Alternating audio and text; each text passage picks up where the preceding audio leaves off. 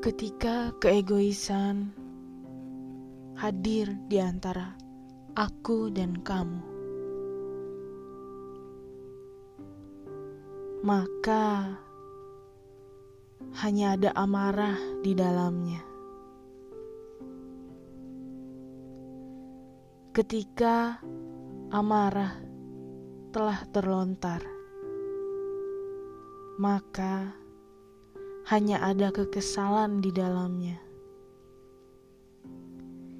Dan ketika kekesalan menghampiri, maka hanya ada kecewa. Dan kekecewaan itu membawa kita pada kesedihan. Rasa kecewa itu membuat hubungan ini menjadi renggang.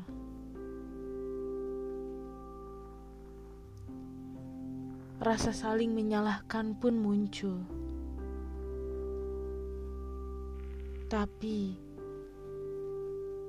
tak ada yang lebih membuat nyaman sebuah hubungan selain saling memahami satu sama lain dan saling memaafkan.